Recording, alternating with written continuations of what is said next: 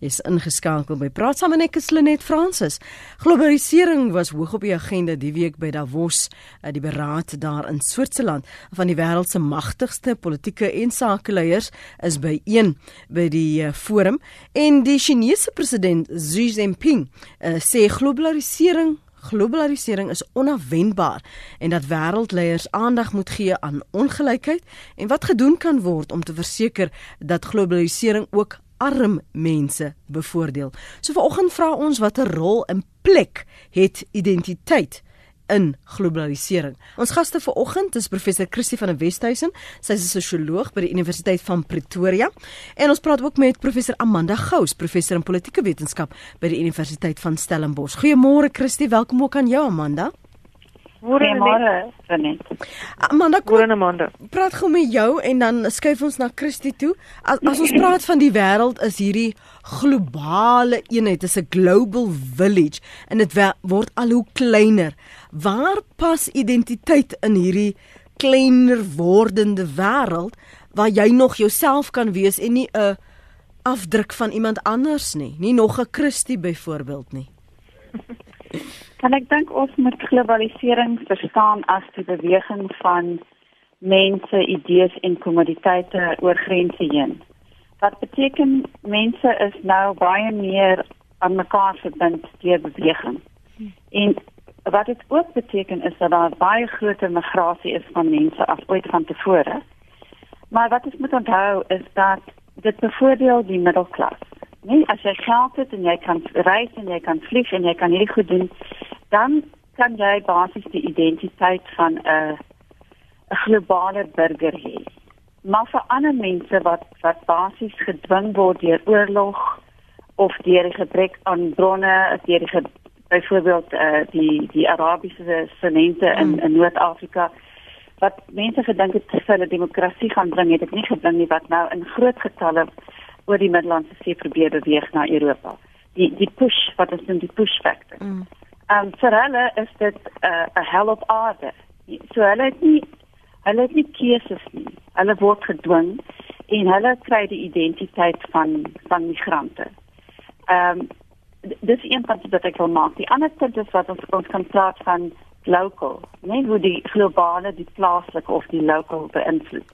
So ons word in alle opsigte veral nou in 'n digitale era waar ons alles aanlyn kan bekyk en kan leer en kan uitvind word die plaaslike beïnvloed deur die globale. En ek dink dat waar dit toe bydra is hoe ons multikulturalisme moet verstaan. Um is dit dat jou etniese identiteit uh, behoue bly of verskuif dit of gebeur daar sekere uh, verskywings en veranderings wat wat uh, etniese identiteit of rasidentiteit of of gender byvoorbeeld uh, verander.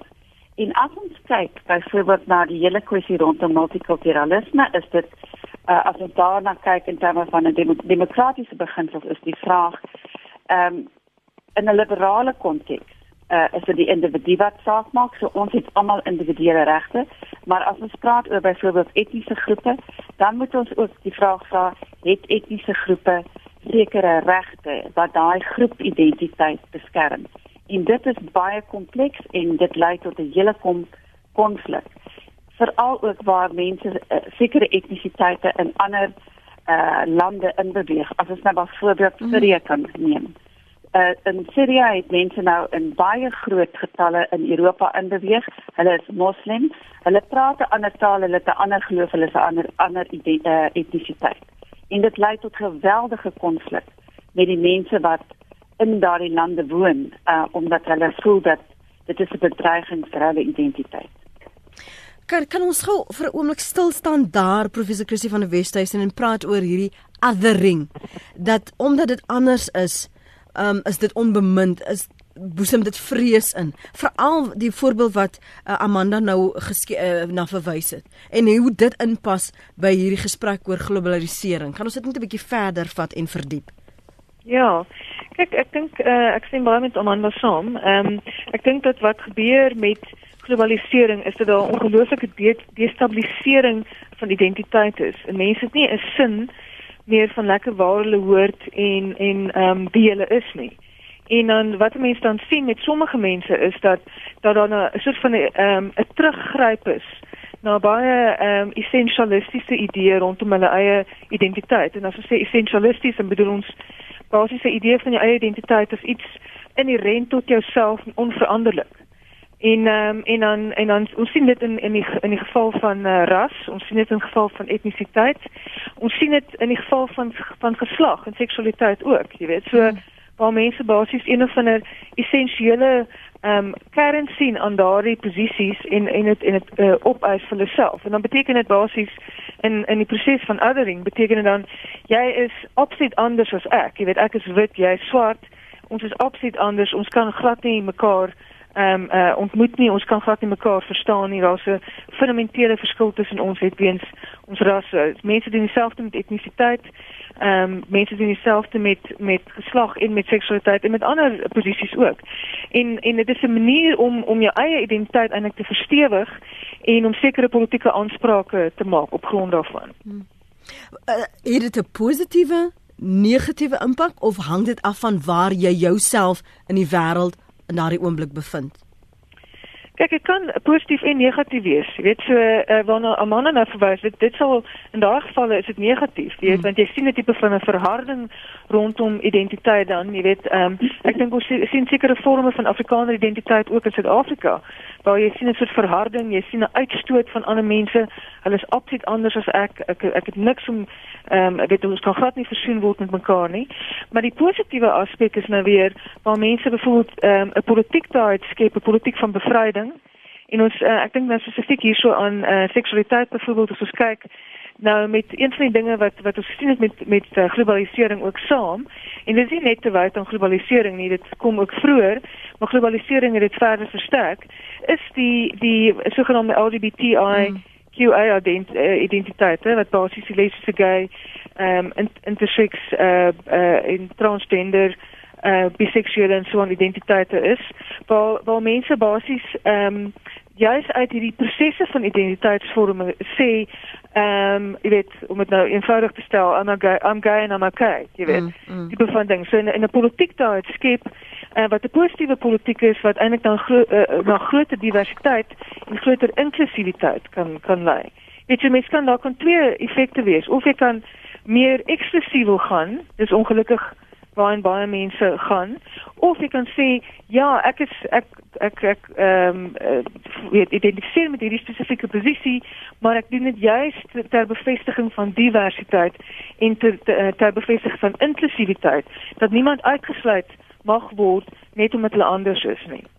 En tog Amanda vind ons dis so steenpole jy kry hierdie openhartigheid die vrymoedigheid aan die een kant vir soos die LGBTIQI om om te sê dit is wie ek is en ek aanvaar myself. En die teenpol is ander wat terugstoot en sê dit ek ek trek binne myself meer want ek kan nie hierdie wêreld hanteer nie. Wat het in die wêreld en in ons samelewing gebeur dat jy hierdie uiterstes kry wat soms wel langs mekaar skuur. Wel, ek dink dit is 'n uh, baie mense voel oorweldig deur die hoeveelheid inligting wat waarna hulle blootgestel word, maar hulle voel ook bedreig soos wat Christie uitgewys het deur mense wat wat anders is. Um en ek dink baie dikwels gaan dit ook oor skaars bronne. Um as ons na die xenofobiese geweld in Suid-Afrika kyk, dan is dit baie keer nie so seer oor die identiteit van die mense nie, maar dit gaan oor die feit dat mense van ander lande met ander identiteite meeding vir die baie skamele bronne wat daar is. Ehm um, in ek dink dit dit dra by tot daai gevoel van uh as ons kyk na die xenofobiese geweld rondom ons dat mense uh voel dat hulle wil net onttrek uit 'n samelewing ehm um, dat waar daar soveel geweld is uh en en onsekerheid. Maar dit geld ook net vir mense wat dit wel kan doen. As jy in een van daai samelewings woon waar die xenofobiese geweld plaasvind, het jy baie minder ruimte om te onttrek. Die ander punt wat ek wil maak is rondom ek meen ek die LGBTQI voorbeeld is 'n baie goeie voorbeeld van ek dink 'n positiewe ontwikkeling. Uh waar daar nou baie meer gepraat word daaroor, mense is baie meer openlik oor hulle identiteite en so aan. Maar dan gebeur ook iets anders en dit is waar vrouens in die in die genderidentiteit van vroue gebruik word om etniese grense te polisieer. Uh, as ons nou byvoorbeeld vat uh, migrante in in ander samelewings in waar hulle byvoorbeeld nog ander kennings toepas uh, in mm. baie keer in, in Pakistaniese mm. gemeenskappe uh, as as die die vrouens in daardie gemeenskap of jong meisies verhoudings aangaan met iemand van 'n ander etnisiteit word hulle baie dit vol doodgemaak.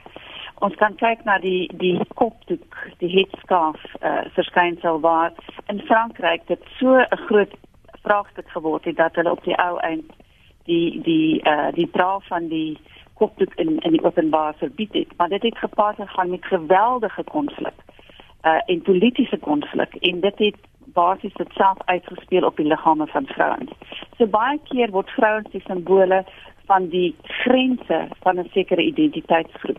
En dit is hoogs problematies. Um ja, so dit ek dink dis 'n ander aspek van die die stryd rondom identiteit. Praat ons genoeg oor identiteit of of aanvaar ons maar elkeen weet wie en wat hulle is en wat hulle plek is. Hoekom is hierdie gesprek in hierdie tye nie net omdat daar weer 'n uh, wêreldreis in Davos is nie, Christie, maar waarom is dit belangrik om hieroor te praat? Wel, ek dink omdat dit al hierdie effekte het waarvan sommige positiewe positief is en ander negatief. En ek dink dit is ehm um, ons word dikwels ook saamge weet uh, opgesweep en en meegesleer met die identiteit. Ehm um, waar daar weet waar ons ons word ehm um, geïnspireer deur deur eh uh, weet uh, sommige figure, weet 'n uh, eh, sê maar 'n Zuma of 'n uh, of 'n Trump. Mm of so. En dan en dan uh, word ons hier meegesleer deur of sê maar Malema, jy weet waar daar spesifieke verwysings na ras en geslag en so gebruik word om mense mee te sleer. En dan en dan dink mense ehm um, o dit is 'n natuurlike proses en weet ek identifiseer die mee en dit en dit voel uh, eg aan my en wie ek is. Maar eintlik is hierdie al die sosiale konstruksies, jy weet en um, en dis hoekom dit goed is vir ons as mense om 'n bietjie tree terug te staan en krities te kyk na hierdie prosesse en krities te kyk na identiteit. Weet jy kan as jy ooridentifiseer ehm um, weet jy as mens dan bevoel dink aan apartheid. Apartheid is 'n soort van 'n stelsel waarin jy 'n soort ooridentificering gehad het van wit mense met witheid. En en uh, en die effek daarvan was dan om het, om 'n totale eksklusiewe samelewing te probeer skep en swart mense ehm um, basies uit te sluit daaruit en uit te sluit van die van die hulpbronne wat wat mense nodig het om te oorleef en en dit is dit is dit wys jy daar is jy op die gevaar van identiteit. Jy weet, dis hoekom ons baie krities moet dink oor identiteit en en veral ons in Suid-Afrika moet baie krities daaroor dink gegee ons geskiedenis. Net gister is daar weer eens ehm um, navorsing en statistiek bekend gemaak oor die persentasies van waar die geld lê in die wêreld en in die land en en wie bedryf in bestuur en manipuleer dan nou markte of of rykdom. En dit is vir my interessant dat uh uh, uh die Chinese president sê dis goed en wel ons het globalisering gegeewe waar China oral is dat maar dat aan die einde van die dag moet dit nie die arm mense uitsluit nie. Hoe bring jy die klokkie by die oor met met daardie tipe argument Amanda Gous? Dan ek dink wat globalisering uh baie suksesvol weggekry het is om die gaping tussen ryk en arm groter te maak en dit word basies op 'n daaglikse basis groter en groter. Sodat omdat baie van globalisering markgedrewe is, as jy nie geld het om uh die mark te kan uh basies uh, in die, in die mark te kan inkom nie, dan kan jy nie geld maak nie. Ehm um, en omdat die omdat die om so baie skeef versprei is. Ek meen dis 10% van die basis van die bevolking van die wêreld wat omtrent beheer uitoefen oor 90% van die wêreld se uh, se rykdom en bronne. Beteken dit dat ehm um, mense is uitgesluit ehm um, hulle hulle leef in armoede en van van mense wat in absolute armoede lewe is 70% vrouens omdat vrouens oor die hmm. algemeen minder toegang het tot geld en en tot bronne. So dit is dit is so 'n skewe uh besit van van rykdom dat dit is nie volhoubaar nie en ek dink wat waar dit bydra is groter en groter konflik. En en die vraag is wat gaan ons doen om om die armes in te sluit? En dit is 'n baie moeilike vraag om te antwoord omdat as ons op die hele tyd gaan fokus op markgedrewe uh oplossings gaan dit nie werk nie. daar is 'n rol vir die staat. En daar is 'n rol vir die staat in die verspreiding van sosiale welvaart. Maar so wat saam met globalisering het neoliberale kapi, uh, neoliberale kapitalisme baie sterk geword. En wat dit beteken uh, dit is meer privatisering, meer die idee dat elke mens met vir homself kan sorg of haarself kan sorg. Ehm um, en so sodra jy staatsfunksies begin privatiseer, uh dan het jy 'n probleem dat mense wat wat basies nog sekere hulpbronne soos soos uh mediese dienste en en pensioen en sulke goed kon kon uh kry deur die staat verloor dit en hulle verarm. So ek dink ons moet ons moet die vir my is een van die groot probleme neoliberale kapitalisme. Ons moet teruggaan en moet dink aan wat is die rol van die staat om basies mense in te sluit sodat hulle basiese behoeftes uh, bevredig kan word.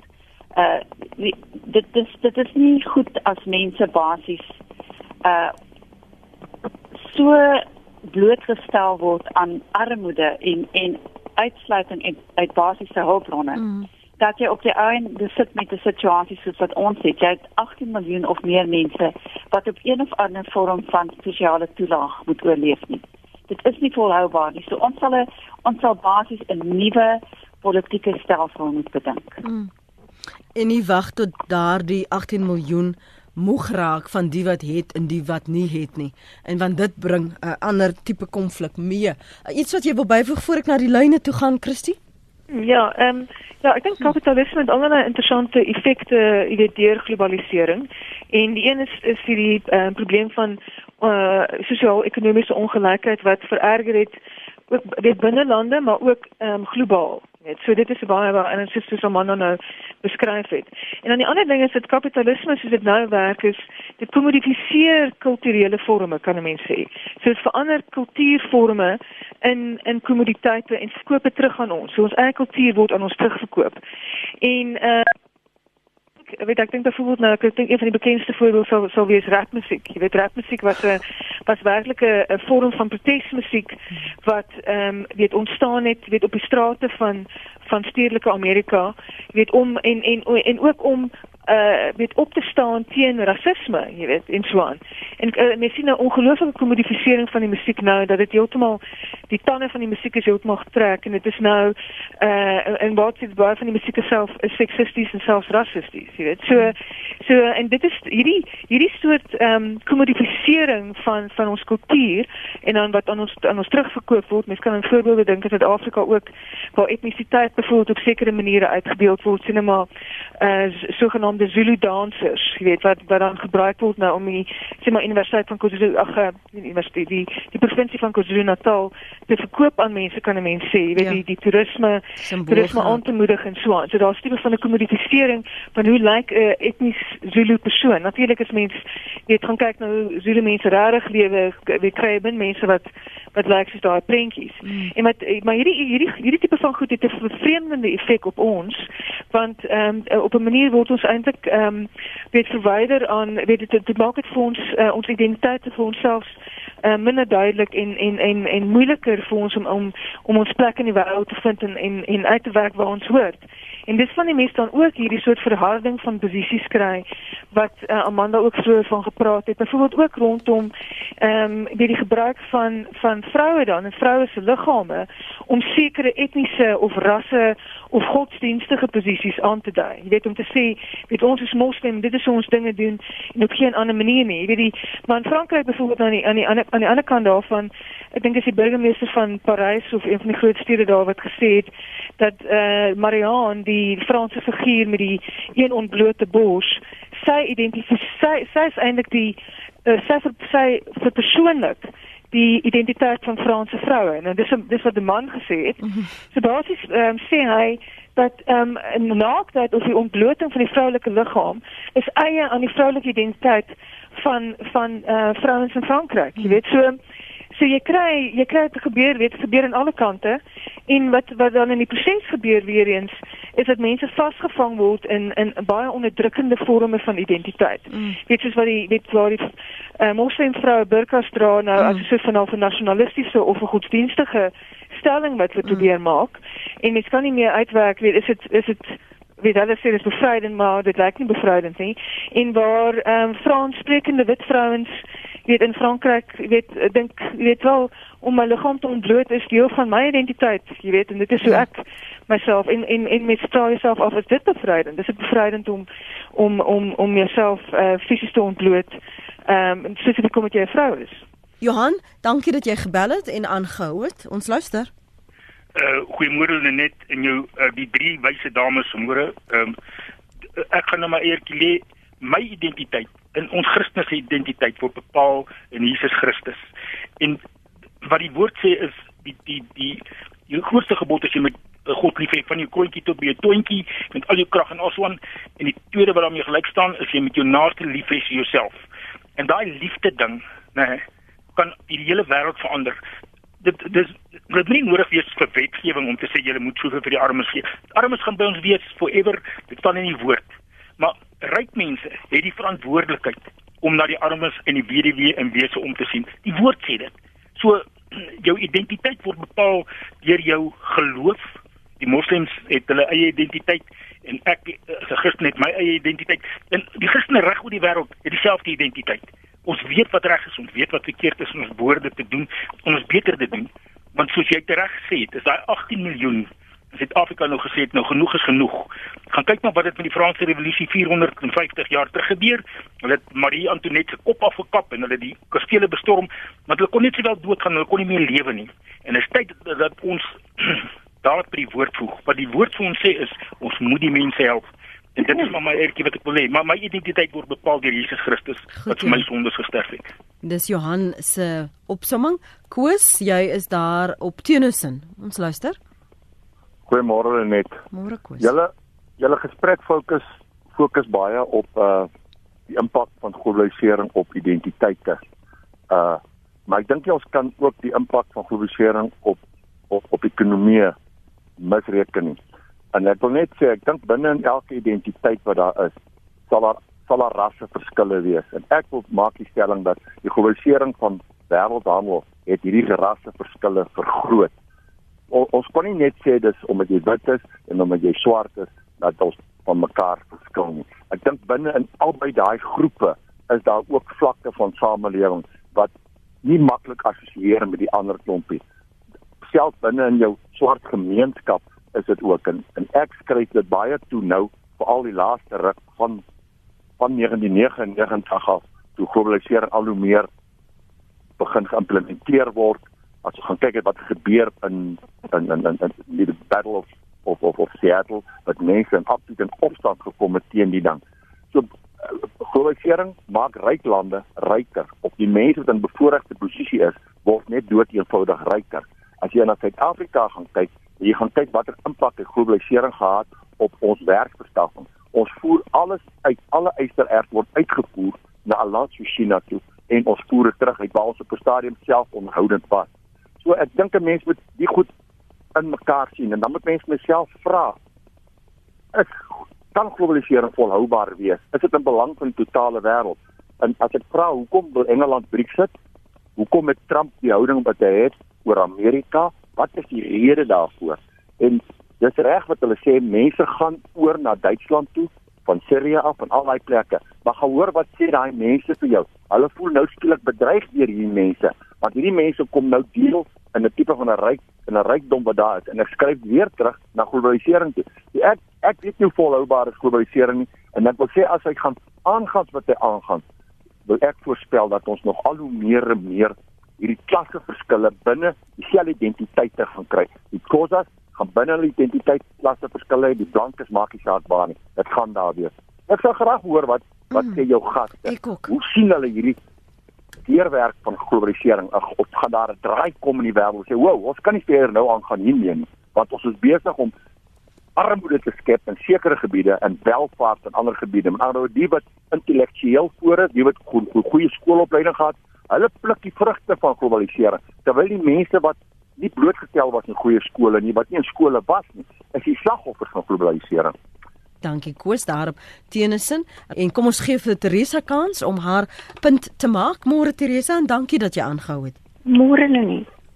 Weet jy, ehm um, ja, die wêreldekonomiese forum het nou hulle gesprekvoering en ehm um, dan is ek wat in Afrika reis op plase kom waar voedsel vir die wêreld verwerk word gereeld op 'n punt waar ek gekonfronteer word met die armoede wat ek sien daar waar dit gebruik word of of verbou word teenoor daar waar dit verbruik word in ander lande.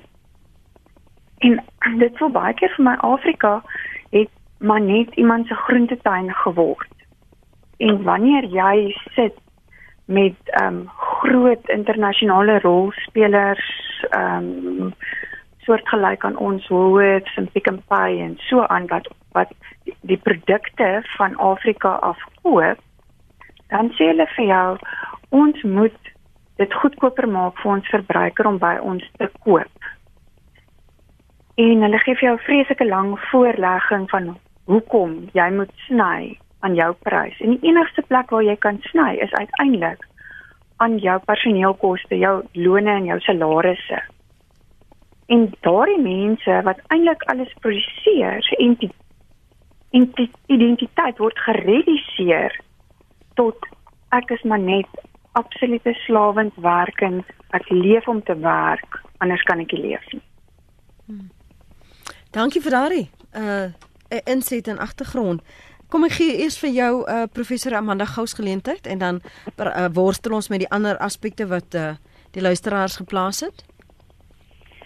Ja, ek dink daar's 'n uh, 'n paar goed wat wat deur al drie die uh, inbellers uh, se opmerkings loop en dit is die die kwessie van individuele keuses versus strukturele probleme. Um, ons het 'n studie gedoen uh, oor 'n uh, empiriese studie oor mense se identiteit en uh, hulle gevra as jy nou hoe, hoe sal jy jouself identifiseer in, in spesifiek in Suid-Afrika? As jy Suid-Afrikaner is jy Afrikaner, is jy Zulu, is jy 'n Christen? En baie vir baie mense was dit uh eers hulle etniese identiteit en dan Christen. Nou die die kwessie van om te sê ek die die my Christelike identiteit is is my baie belangrik. Ek dink alle mense of vir meeste mense is 'n uh, uh, een of ander godsdienstidentiteit belangrik. Maar dit is 'n 'n uh, spesifieke keuse wat jy maak. Ehm um, en om dan die die liefde teenoor die naaste uit te oefen kan baie dikwels 'n vorm van uh, liefdadigheid wees, charity. Want jy kan nie die strukturele probleme verander wat in die wêreld bestaan nie. En wat wat ons bedoel met strukturele probleme is as ons byvoorbeeld teruggaan na apartheid en kyk na die wetgewing wat gemaak is om sekere groeperinge en spesifiek swart mense in Suid-Afrika uit te sluit uit bronne uit rykdom en so aan. Daardie probleme bestaan vandag nog. Met ander woorde strukturele probleme bly voortbestaan tensy ons een of ander strukturele oplossing daarvoor vind. En ek dink dit is die groot probleem in die wêreld nou is dat as ons kyk na uh, lande wat ander lande gekolonialiseer het. Ons noem hulle die metropole, wat die periferie, die Afrika en Latyn-Amerika en so aan gekoloniseer het. Het sekere strukturele ehm um, verskille ingebring deur kolonisasie wat die mense in die periferie uh basies ongelooflik benadeel het. En daai daai benadeling is nie uitgewis nie. En dit is hoekom die Europa en en Noord-Amerika en en lande wat ander plekke gekoloniseer het, kon van goedkoop arbeid gebruik maak uh om om hulle eie rykdom op te bou en is vandag nog steeds die ryk lande in die wêreld. Nou as ons gaan kyk na migrasie, en dan dan gaan 75% van mense wat migreer, gaan net na 12% lande toe. En dit is jou ryk lande. Met ander woorde, mense probeer hulle eie agtergeblewenheid, die armoede en so aan ontsnap. Wie hoe hoe kom klim mense op 'n bootjie wat omtrent 80% kans het om te sink voordat jy oor die Mediterrane die Middellandse See is. Uh, is daai desperaatheid. En dit kan ons nie oplos met liefdadigheid nie. Um en en ek dink dit kom by Koos se punt oor die en ek dink ons het gepraat oor ekonomie. Ons het genoem van die die neoliberale kapitalisme ja. wat hierdie uh, gaping tussen ryk en arm soveel vergroot. En dit is hoekom jy die rasverskille sien. Want rasisme het het begin met kolonialisme. En daai rasverskille is nog steeds nie uitgewis nie. Hoekom is dit die geval dat African Americans in die VSA armer is as ander groeperinge? Hoekom is dit die feit dat 'n baie groot persentasie van swart African American mans in tronk sit? Is oor die oor die feit dat dit deur 'n slawerny en 'n en 'n uh, uitbuiting van van slawe gekom het wat hulle nooit werklik op 'n gelyke voet met met ander uh, groeperinge in die FSA geplaas het nie. So ons moet kyk na die die die verlede van kolonialisme, van uitbuiting en hoe uh hoekom is dit dat die periferie so arm is en dat mense uit die periferie so graag na Europa wil gaan? Mm. Dit is 'n nagevolg van kolonialisme. Ehm um, die volhoubaarheid waarna hy verwys want daar's daar die verwysing van something's got to give. Een of ander tyd gaan daar 'n draai moet kom omdat mense jy het gepraat net ons almal gepraat oor die oor die konflik. Dit raak onhoudbaar vir sommige. Ja, wel dit is die punt. Ek as jy as jy soveel mense het uh wat wat uitgesluit is en wat omdat ons nou so verbind is deur die uh elektroniese media. Mense kan sien wat in ander lande aangaan. Hulle kan daagliks inligting ontgin met hulle selfone, met hulle rekenaars en so aan, die wat wel 'n rekenaar of 'n selfoon kan bekostig. Uh is is die rede hoekom mense aspireer na daai tipe lewenstyl en daai tipe uh bronne en en uh, toegang tot onderwys en so aan en dit uh, uh absoluut uh, motiveer migrasie en maar dit gaan ook vir die wat nie kan migreer nie gaan dit bydra tot geweldige konflik en ek sien ek dink ons sien die konflik uh, nou ons in in globale terme was die wêreld nog nooit so deur mekaar soos wat dit nou is nie. As die president van die FSA lande soos in uh, in Afrika en in Latyn-Amerika shitholes noem, mm. beteken dit hy het geen begrip vir wat die ekonomiese en en ehm um, probleme is en hoe die die ryk lande bygedra het tot tot tot daai probleme wat lande wat byvoorbeeld absolute gefaalde state is uh hoe dit hoe dit bydra nie. So so mense wat in in die ryk lande sit is blind vir die gevolge van hulle eie aksies. En ek dink dit is waarna wys as jy gaan kyk. Uh dit is nog steeds die uitbuiting van goedkoop arbeid, nie?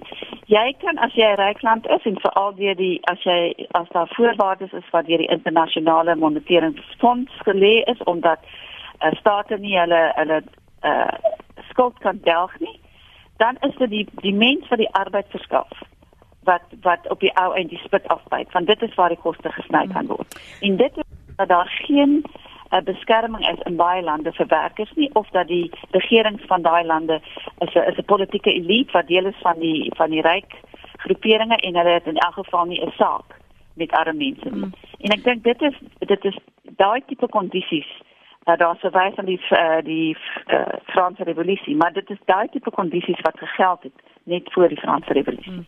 Christie, ek kan vir jou kans gee om jou uh, op te som want ek weet jy moet vroeër vir ons verlaat en daarna gaan professor Amanda Gous nog ons twee oproepe uh, hanteer. Ehm um, jou slotgedagtes voor jy gaan?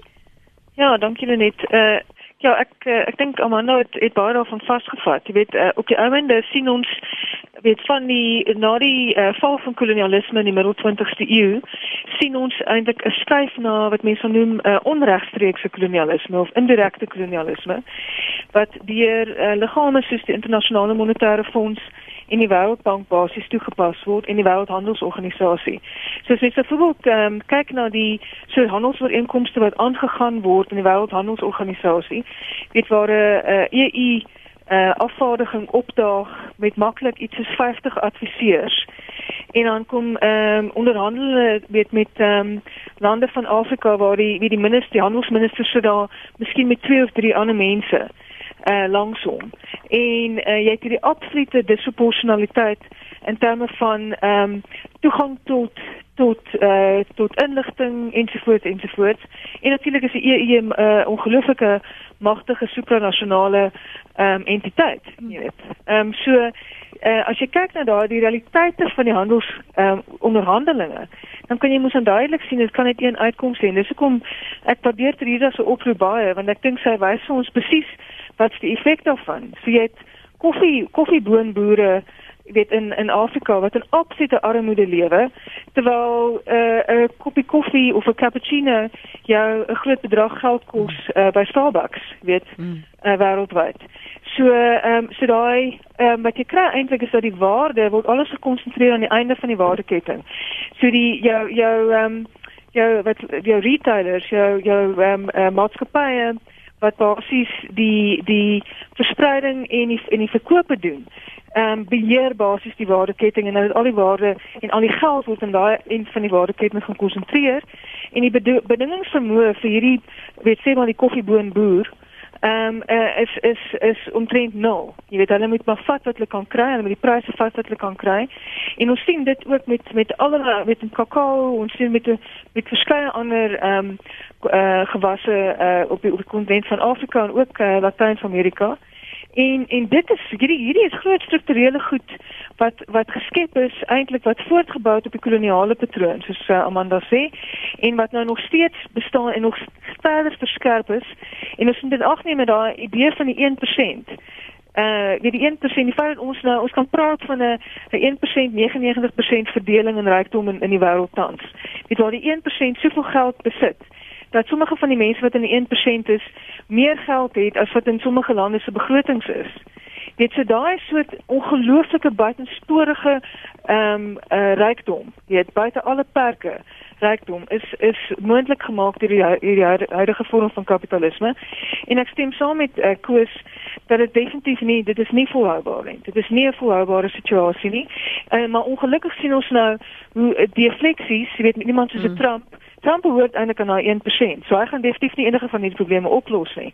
Maar hy, hy gebruik ras en nasionaliteit en geslag baie op 'n baie slim manier, jy weet, om eintlik te defekteer van die feit dat hy eintlik deel is van daai 1% wat presies hierdie soort repressiewe patrone ehm um, versterk en hierdie soort uh, super eksploitasie ehm um, laat laat voortduur.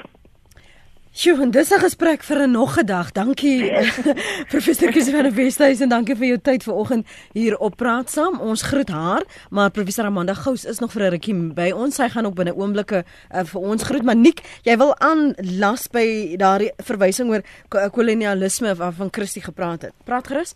Goeiemôre, goeiemôre julle almal daar. Uh ja nee, ek wil net graag uh, ek ek ek hoor dit selde dat uh, ons vergeet dat Suid-Afrika gekoloniseer was deur die Britte twee keer. Hy sê en dit is al alles wat ons geërf het. Uh rasisme, uh apartheid uh, kom daarvandaan af.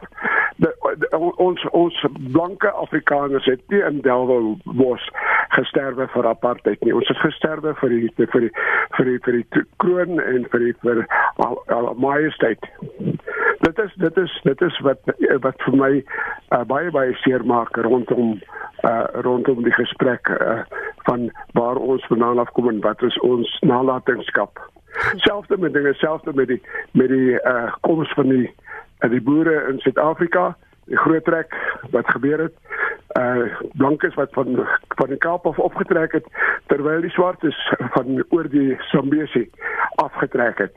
Dit is nie hulle land nie. Hulle was nie hier gewees toe ons hier gekom. Ons het saam hier aangekom. So asseblief, kan ons kan ons rondom dit 'n uh, ernstige gesprek maak ook.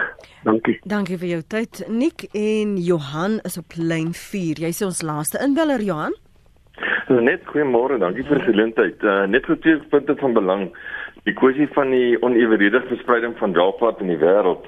Ek dink mense moet uh, daar's 'n groot debat oor dit in die gang en so aan en gedurig berig opstem oor die uh die die haves versus die die have-nots. Men weet van die meeste uh, dit is 'n baie gemaklike ding om die mense wat nou dan het, weet te wil ook maar wees, dis sogenaamde 1% te target as sou hulle alles op 'n onetiese wyse gekry het. Die meeste van die top finansiële koöperatiewe mense in die wêreld het hulle eie welvaart geskep. So Johan, wag gou, wag gou. Wie sit nou ons het mos nou nog nie gesê dat hulle dit op 'n onetiese manier gekry nie. Ons het ook nie daardie persepsie geskep nie.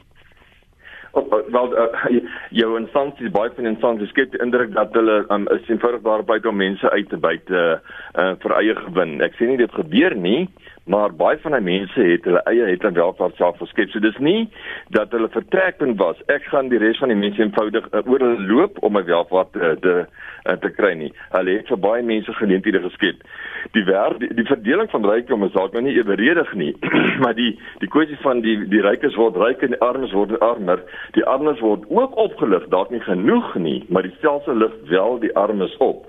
Is dit regverdig genoeg al dan nie? Dis 'n ander gesprek. Dan die tweede punt in terme van die toekoms ehm um, uh die invloed van uh uh die sogenaamde uh vierde die vierde revolusie artificial intelligence et cetera. En ek wens moet kyk wat gaan die effek van dit in die toekoms wees. Gaan ons nie dalk in 'n wêreld wees waar die eksponensiële toename in output gaan kry in 'n klaslose utopian society nie. Ek vra net die vraag. Dankie.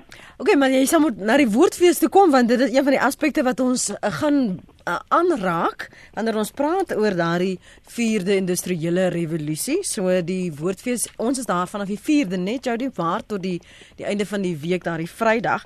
So en dis een van die gesprekspunte, maar ek gaan vir professor Amanda Gous geleentheid gee om um, te verwys na Nick se kommentaar en en joune Johan en dan ook gou 'n paar lees uh, wat jy hier op ons webblad skryf en dan gaan sy haar gedagtes ook opsom. Connie van Dana skryf: "Verskillende menings bestaan oor globalisering en die vraag is of dit moontlik is om die stelsel van ekonomiese globalisering te hervorm om 'n meer regverdige verspreiding van inkomste en welvaart te vestig. Voorstanders glo daar is geen alternatief vir die huidige stelsel nie en dat die negatiewe neuwe gevolge maar verduur moet word in die lig van die oorwig van ekonomiese voordele. Omdat dit veral die arme mense is wat die meeste onder ekonomiese globalisering ly, neem ekumeniese organisasies soos die Wêreldraad uh van kerke en die Wêreldbond van gereformeerde kerke 'n sterk afwysende houding in. Ander oordeel weet dat dit moontlik is om maatreëls te tref wat die negatiewe uitwerking op veral arme mense kan teewerk. Dan uh skryf uh waar is Niels, ek gaan hom nou in kort Niels, Niels sê daar is 'n verborgde sinistere doel agter globalisering. Dis 'n plan deur die supergeldmag met sy individue van die wêreld om alles bymekaar te voeg en te heers. Um en jou gaste se kennis hieroor ontbreek geheel en al. As ons af uh, kyk na na die ander SMS'e, die oorsaak van die meeste probleme, ongelykhede wat jy bespreek is oor bevolking, sê Mani van Hartenbos. Hy sê dit lyk tot werkloosheid, dan armoede, dan misdaad, dan rasisme. Ek weet julle wil dit nie hoorie, maar dis die realiteit, sê Mani daar op Hartenbos. En dan sê nog een, dis ba die baie rykes beheer die markte en wetgewers om seker te maak hulle bly bo. So dis die uh, menings van die menings moet ek ook byvoeg professor Amanda Gousen jou reaksie daarop en uh, jou slotgedagtes vir ons hierdie program vanmôre afsluit. Dankie Lenet. Um om terug te kom na die kwessie van uh, die feit dat wit mense in Suid-Afrika ook gekoloniseer is waar dit bygedra het is uh, wat ons noem settler colonialism. Nee, so ons het ons het uh anders as in ander lande het dit mense hier gebly en basies uh hulle self beskou hulle self as as uh die inwoners van Suid-Afrika. Ek dink wat ons nie geleer het uit ons eie ehm um, kolonisering deur uh Engeland nie, is die feit dat Ons het presies dieselfde aan aan die inheemse bevolking eh uh, gedoen. Eh uh, dit is 'n vorm van interne kolonisering wat sy dan sy hele uitdrukking in in apartheid gehad het. Ehm um, en ja, so ek dink dit is natuurlik die die hele kwessie van eh uh, wie was eers hier en wie was nie nie is nie belangrik nie. Dit is belangrik oor wat ons gedoen het nadat ons uh, hier aangekom het. Ek dink is die die tweede punt is weer die, die dat mense hulle eie welvaart skiep. Dit is dit dit ontken ek vir geen oomblik nie, maar ons kyk weer eens die strukturele probleme mis. As ons gaan kyk na die mynindustrie in Suid-Afrika, byvoorbeeld. Hoe het die mynindustrie gefloreer en een van die die grootste skeppers van welvaart in die wêreld geword, is deur die gebruik van goedkoop swart arbeid. En as ons gaan kyk na byvoorbeeld wat by Marikana gebeur het. Uh die werkers van Marikana as jy gaan kyk waar hulle woon en hoe hulle gewoon het in uiterste armoede in in in die tipe behuising wat nie geskik is vir menslike bewoning nie. En die mynbaas het dit toegelaat. Marikana was 'n uitdrukking van die ongeregtigheid wat in die mynwese stelsel bestaan. Nou as jy jou eie welvaart skep, maar jy is iemand wat basies aandele in die in die myn uh, industrie en so aan, is jy deel van daai probleem van die uitbuiting van swart arbeid. So jy mag dit nie persoonlik self doen nie, maar jy is een van die die the cogs in the wheel. Um, en ek dink dit is wat mense miskyk, is hoe daai strukturele kondisies jou bevoordeel sodat jy jou eie welvaart kan skep. Ek sien nie meer dat mense nie hulle eie welvaart moet skep nie. Ons moet ons eie welvaart skep, maar ons moet ook dink aan wat is sosiale geregtigheid. En dit is nie aanvaarbaar dat sekere mense so ryk is dat hulle met al daai geld hulle sal dit nooit op kan gebruik nie, terwyl ander mense op 'n daaglikse basis net oorleef, net net oorleef. Ehm um, en dit is die ongelykheid. Ehm um, ek wil afsluit deur te sê ek dink die hele kwessie van identiteit is baie kompleks ja. en ons almal het nie net een identiteit nie. Mm -hmm. Wat ons vanoggend hier gehoor het is die hele kwessie van van 'n klasidentiteit en hoe mense daai klasidentiteit aanvaar. Uh jy's of middelklas of jy's in 'n arm klas of jy's glad nie eers in 'n klas nie.